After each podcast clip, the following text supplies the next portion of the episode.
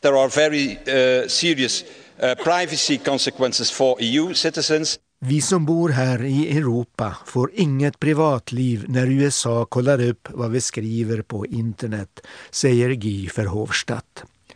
Han är en av de viktigaste politikerna i EU-ländernas gemensamma riksdag, Europaparlamentet.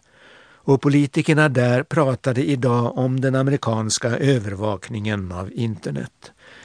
Det var förra veckan som amerikanen Edward Snowden berättade att den amerikanska myndigheten National Security Agency, NSA, övervakar massor av människor på internet.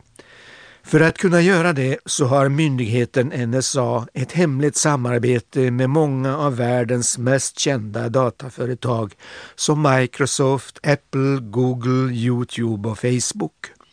Personalen på NSA kan då få veta vad människor skriver och gör på internet och vilka saker vi söker efter på Google. Tanken är att amerikanerna ska kunna få veta om terrorister planerar att spränga bomber eller mörda människor på andra sätt.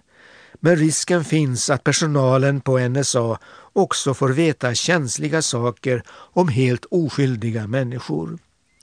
NSA har mest intresserat sig för muslimska länder som Iran, Pakistan, Jordanien och Egypten. Det visar de texter som Edward Snowden har visat upp för journalister. Men även personer här i Sverige och andra europeiska länder kanske har blivit övervakade. Den grupp politiker som leder arbetet inom EU är EU-kommissionen och den svenska politikern där är Cecilia Malmström.